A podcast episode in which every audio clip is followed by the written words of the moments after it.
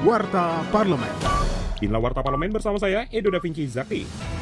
Wakil Ketua Komisi 5 DPR RI Andi Wan Darmawan Aras meminta Ditjen Perkeretaapian Kementerian Perhubungan dan Direktur PT Kereta Cepat Indonesia Cina atau KCC meningkatkan pengawasan dalam pelaksanaan pembangunan kereta cepat Jakarta-Bandung. Legislator fraksi Partai Gerindra tersebut juga mendesak kementerian lembaga dan pemerintah daerah serta stakeholder terkait segera menyelesaikan permasalahan dan kendala teknis maupun dampak pembangunan kereta cepat Jakarta-Bandung. Selain itu, keselamatan kerja dan ketatan terhadap standar operasional prosedur juga harus diprioritaskan. Warta Parlemen. Dalam rapat kerja bersama pimpinan Komite 1 DPD RI dan pemerintah, anggota Komisi 2 DPR RI Anwar Hafid berharap tujuh rancangan undang-undang tentang provinsi dapat menjadi awal penataan daerah dalam mewujudkan pembangunan sesuai kondisi perkembangan daerah saat ini. Ketujuh rancangan undang-undang ini untuk dibahas lebih lanjut dan ditetapkan menjadi undang-undang. Kita harapkan ini menjadi sebuah awal yang sangat baik dalam kita melakukan penataan kembali terhadap pembentukan daerah-daerah yang diselaraskan dengan kondisi dan perkembangan ketatanegaraan di Indonesia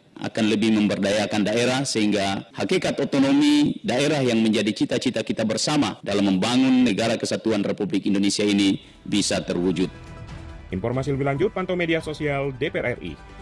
Anggota Badan Kerja Samantar Parlemen atau BKSAP DPR RI Lulu Nur Hamida mengingatkan semua pihak akan komitmen komunitas internasional dan kesepakatan pemerintah Indonesia bahwa pada tahun 2030 mewujudkan keterwakilan perempuan 50% di parlemen. Politisi fraksi PKB itu melihat keterwakilan perempuan parlemen Indonesia belum mencapai 30% karena menurutnya pembangunan demokrasi dan berkeadaban mustahil dilakukan tanpa perjuangan ruang politik yang setara. Untuk itu dirinya mendorong kemauan politik mewujudkan keterwakilan perempuan yang ideal di parlemen.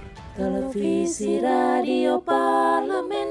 Demikian Warta Parlemen, Produksi TV dan Radio Parlemen, Biro Pemberitaan Parlemen, Sekjen DPR RI.